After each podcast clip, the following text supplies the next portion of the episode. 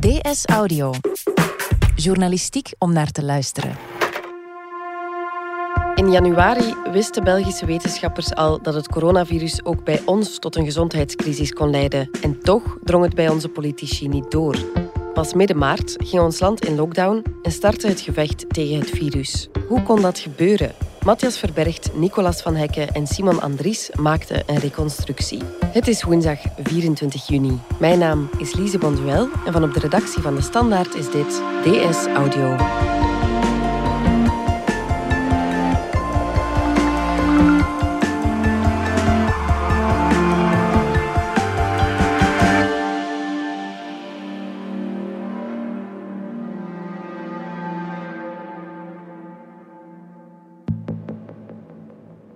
Vandaag zitten we samen met wedstrijdjournalist Matthias Verbergt en binnenlandsjournalist Nicolas van Hekken.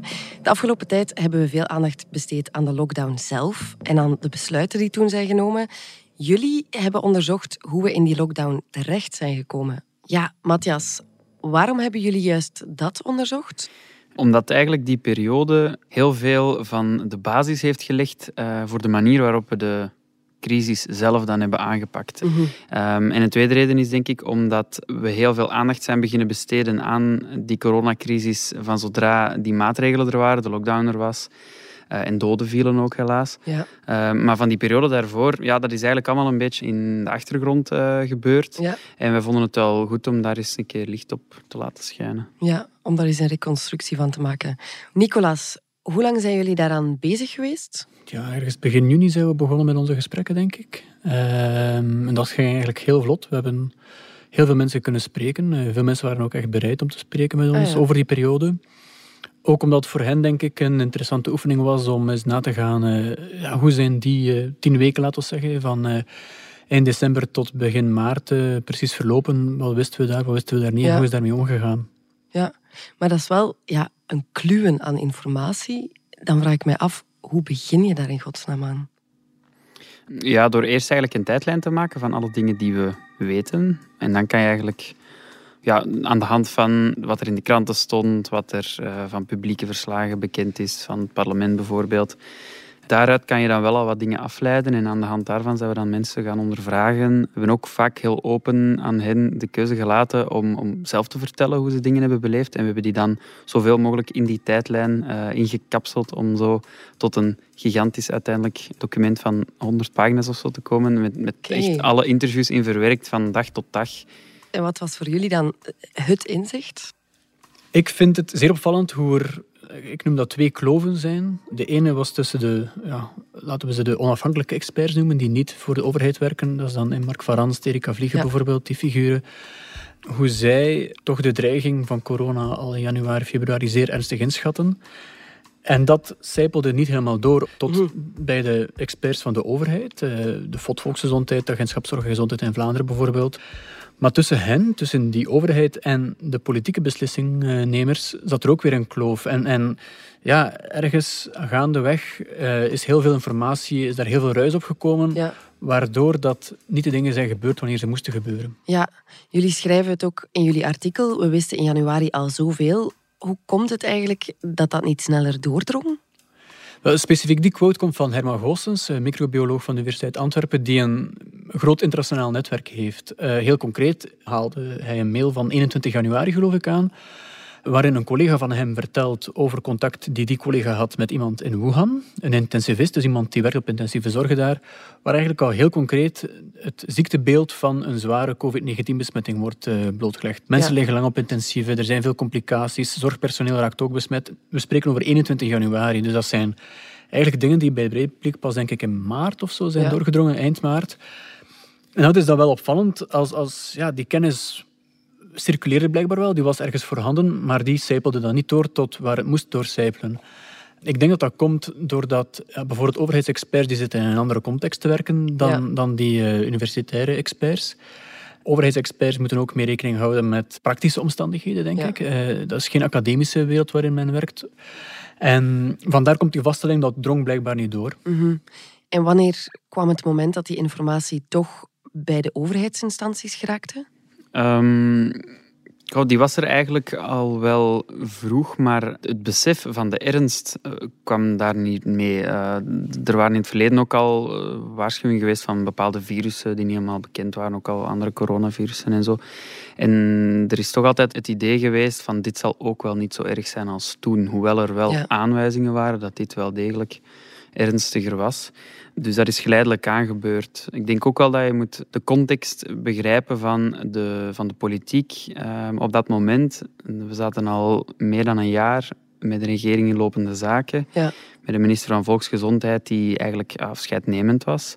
Een regering die het niet meer gewoon was om proactief aan nieuw beleid te denken. Die eerder reactief en responsief was en dacht, we lossen de problemen op die zich aan ons opdringen. Ja. En we gaan niet uh, preventief zaken naar ons toe trekken, want dat is nu eenmaal niet de taak van een regering in lopende zaken. Ja, geen lange termijnsplan ook niet. Nee, die, die was er niet meer. Kabinetten liepen ook uh, deels leeg. Dus de ingesteldheid was helemaal niet die van een regering die vooruitdacht en kon kijken van uh, ja, wat moet dit binnen zoveel maanden, uh, misschien zelfs jaren opleveren. Hè, zoals een nieuwe regering dat wel had kunnen doen. Ja. Maar tegelijkertijd mogen we niet vergeten, parallel liepen dan die regeringsonderhandelingen. Hè. Dat was ook januari, februari, ja. met al die opdrachten en koninklijke missies enzovoort. Dus daar was de politiek op gefocust. En de coronacrisis was iets, een gezondheidsprobleem. Dat was ja. geen breed maatschappelijk probleem. Dat zou geen, wellicht geen impact gaan hebben op andere zaken dan enkel volksgezondheid. Dus dat zat bij, ja, bij Magie de Blok, bij de Volksgezondheid. Dat was eigenlijk geen regeringsissue voor heel lang. Ja, maar had een volwaardige regering dan die problemen wel beter kunnen aanpakken? Ja, ik denk wel dat daar... Um, Stel dat er een, een regering was geweest uh, die, die pas benoemd was, die pas uh, in werking was uh, gegaan, dan denk ik wel dat je een team had gehad met een, met een duidelijk leiderschap, met mensen die elkaar goed kennen, goed aanvoelen, die vooruitkijken, die mm -hmm. denken van wat er nu gebeurt moet ik over jaren nog gaan verdedigen, want dan zal ik nog in de regering zitten. Mm -hmm. Terwijl bij deze beleidsmakers ja, was het eerder van ja, ik ben toch, ja, ik weet niet of ik hier nog ga zitten op die stoel over een jaar. Um, ja, er werd gewoon minder naar de toekomst toe gedacht, denk ik. Dan mm. heb je nog de FOD Volksgezondheid, dus de, de administratie van Magie de ja. Blok. Uh, ook daar ja, zat toch een probleem van onderschatting. We hebben ook veel moeten besparen en zo. Maar ja, we hebben ook in een aantal artikels ook aangetoond dat het leiderschap daar ook niet helemaal uh, goed zat. Ja, want wat liep er juist mis bij de FOD Volksgezondheid?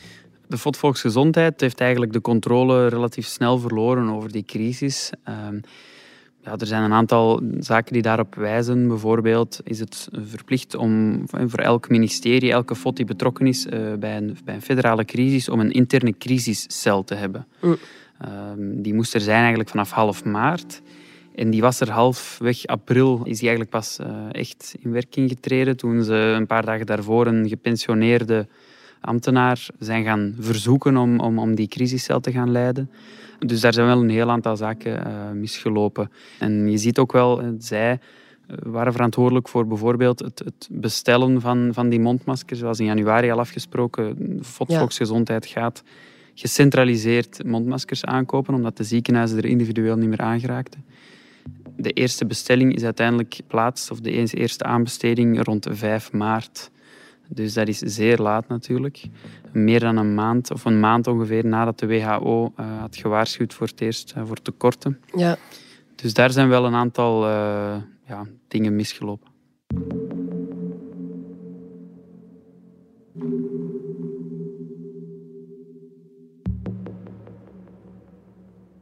Volgens sommigen kwam ook de lockdown zelf veel te laat. Was dat dan omdat er nog niet genoeg draagvlak voor was in de samenleving? Ik denk dat dat wel meespeelt. Ja, dus, uh, ze kunnen inderdaad wel de verzachtende omstandigheid inroepen dat er geen draagvlak was bij de bevolking. Ik denk dat dat wel klopt wat betreft de lockdown. Hè. Maar de lockdown mm kwam ook pas 12, 13 maart.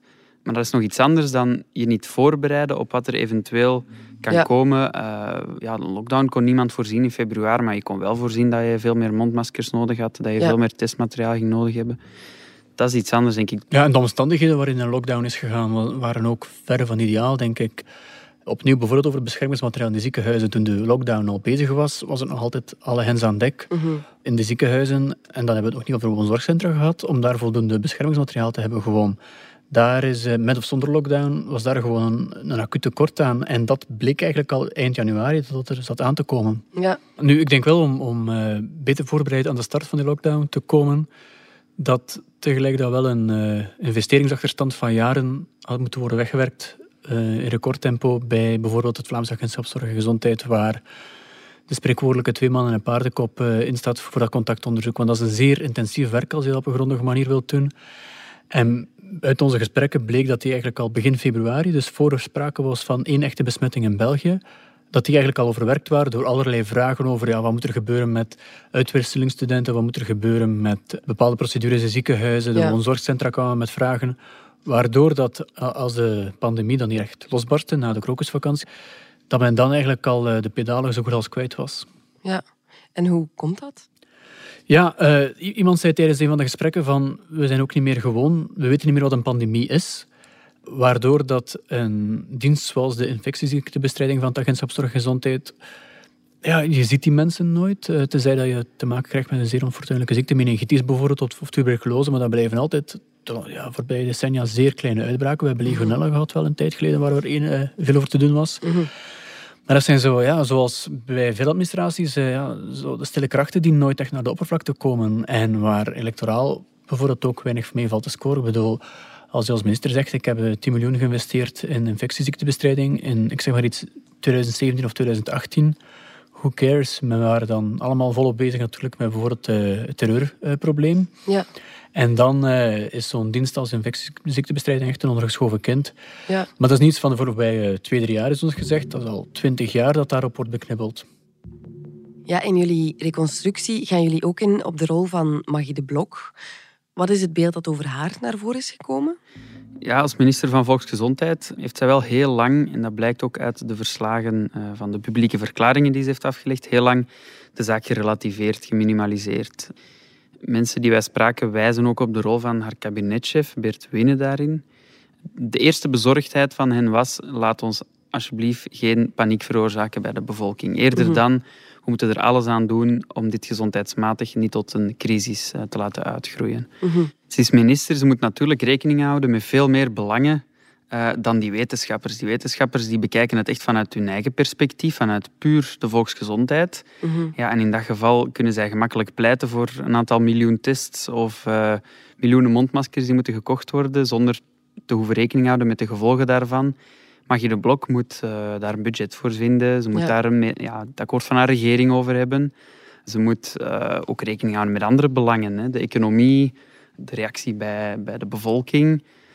er waren veel beelden van, van hamsteren en zelfs van plunderingen in bepaalde landen. Ja, die zaken, daar moet zij ook allemaal rekening mee houden. Dus Ja. het is denk ik iets te makkelijk om te zeggen, ze heeft alles geblokkeerd. Ze speelde haar rol, maar ja, wat wel zo is, is dat ze het lange tijd fors onderschat heeft. Mhm. En heeft dat nu geen gevolgen voor haar? Ik denk het wel. Ze heeft zelf ook al aangegeven, ik blijf geen minister. Dus zij is er eigenlijk wel zeker van dat zij niet opnieuw, en zeker al niet op volksgezondheid, maar ik denk zelfs in het algemeen dat haar uh, ministeriële carrière voorbij is.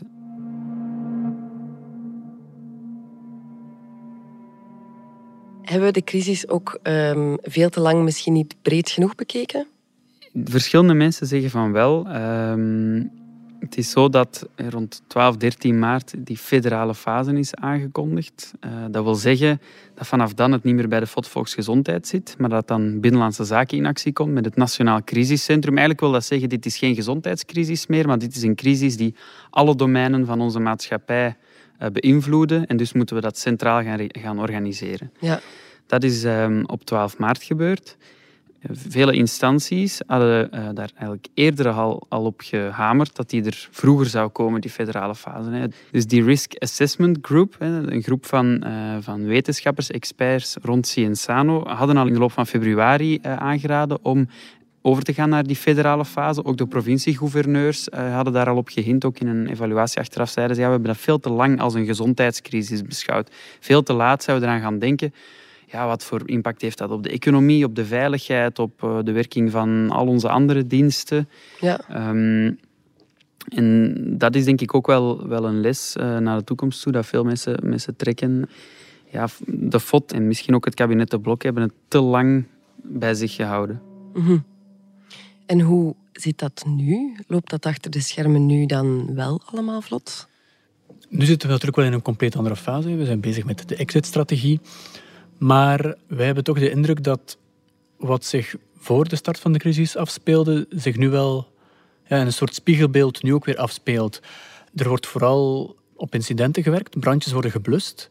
Dat lukt ook wel om, om brandjes te blussen als er problemen zijn. Ik zeg maar iets met, met een datastroom of, of, een opflakkering, een cluster ergens of zo. Mhm. Men, men, neemt het wel waar, maar een, een, een, volwaardige opvolging, een monitoring zoals dat wordt genoemd, van het virus, uh, welke opflakkeringen er precies zijn, waar, waarom, dat is allemaal nog niet aanwezig. Um, de groep experts die belast uh, is met de exit-strategie, de GEES-experts, onder leiding van uh, Erika Vliegen, mm die pleiten al weken voor een soort controletoren, noemen ze dat, die zo'n monitoring doet. En uh, voor zover wij weten, ja, staat dan zelfs nog in de startblokken. Dat wordt uh, bekeken wie moet nu precies wat doen, want dat is ook een terugkerend verhaal in heel de crisis natuurlijk. Wie is waarvoor bevoegd, want die mhm. verdeling is uh, niet eenvoudig in het gefederaliseerde België. Die versoepeling van maatregelen waar we volop in zitten. De, de basis die daarachter zou moeten schuilen van, van een voldragen beleid, daar is eigenlijk te weinig sprake van op dit moment. Mm ik denk ook dat dat ermee te maken heeft dat um, de urgentie nu wat weg is. En je ziet dat plots die besluitvorming opnieuw eh, weer enorm traag verloopt. Dus er was een tijd lang uh, wel het besef dat alles snel moest gaan. En er gingen ook wel zaken snel. Te laat weliswaar, in de eerste golf. Um, maar nu zie je opnieuw ja, dat men is vervallen in die oude cultuur van overleg en comité's en, en, en uh, vergaderingen. Omdat nu, ja, er zijn minder uh, slachtoffers, er zijn minder besmettingen. Dus dat gevoel van urgentie is weg. En, en, experts geven ook wel aan, samen met dat gevoel van urgentie, is eigenlijk ook de besluitvorming uh, is ook vertraagd daardoor. Ja. ja, je zou toch denken dat er lessen getrokken moeten worden uit dat traag reageren op de crisis? Dat zou moeten, daar sturen de experts ook op aan, dus de, de GEES-experts. In een van de laatste verslagen van begin juni hebben zij een soort, ja, met kleurindicaties, een aantal uh, zaken die in orde moesten zijn, uh, gezegd of die in orde zijn of niet. En heel veel van die knipperlichten staan op oranje of rood. Er is niets dat op groen stond dan. En ja, ik denk dan, we zijn bijna drie weken later, dat moet toch al veel beter zijn, maar we horen daar ook niets over. Dat is wel verontrustend eigenlijk. Nu, de kans dat, net zoals in januari, februari, te snel wordt uh, gegrepen naar argumenten, dat is praktisch niet haalbaar, dat is onbetaalbaar, is klein geworden, omdat iedereen beseft van we kunnen ons zo geen uh, zware lockdown uh, meer veroorloven. Mm -hmm. In het algemeen, ja, iedereen is meer dan wakker geschud. Dat is het minste wat we kunnen zeggen. Maar opnieuw zal het ervan afhangen van ja, hoe dat krachtig zijn kabinetten, hoe dat krachtig zijn administraties, hoe snel is er geld voor iets, hoe snel beslist iemand over iets om uh, te kunnen bepalen of we een heropflakkering snel de kop in kunnen drukken of niet. Mm -hmm. Bedankt, Matthias en Nicolas. Met plezier. Met plezier. Dit was DS Audio. Wil je reageren? Dat kan via dsaudio.standaard.be. In deze aflevering hoorde je Matthias Verbergt, Nicolas van Hekken en mezelf, Lise Bonduel. Ik deed ook de redactie. De eindredactie gebeurde door Anna Korterink. Joris van Damme deed de audioproductie. Brecht Plasgaard schreef de muziek die je hoorde in deze podcast. Vond je deze podcast interessant? Weet dan dat je er elke werkdag één kunt beluisteren. Dat kan via de DS Nieuws app of via standaard.be-audio. Je kunt je ook abonneren via iTunes, Spotify of de podcast app van je keuze.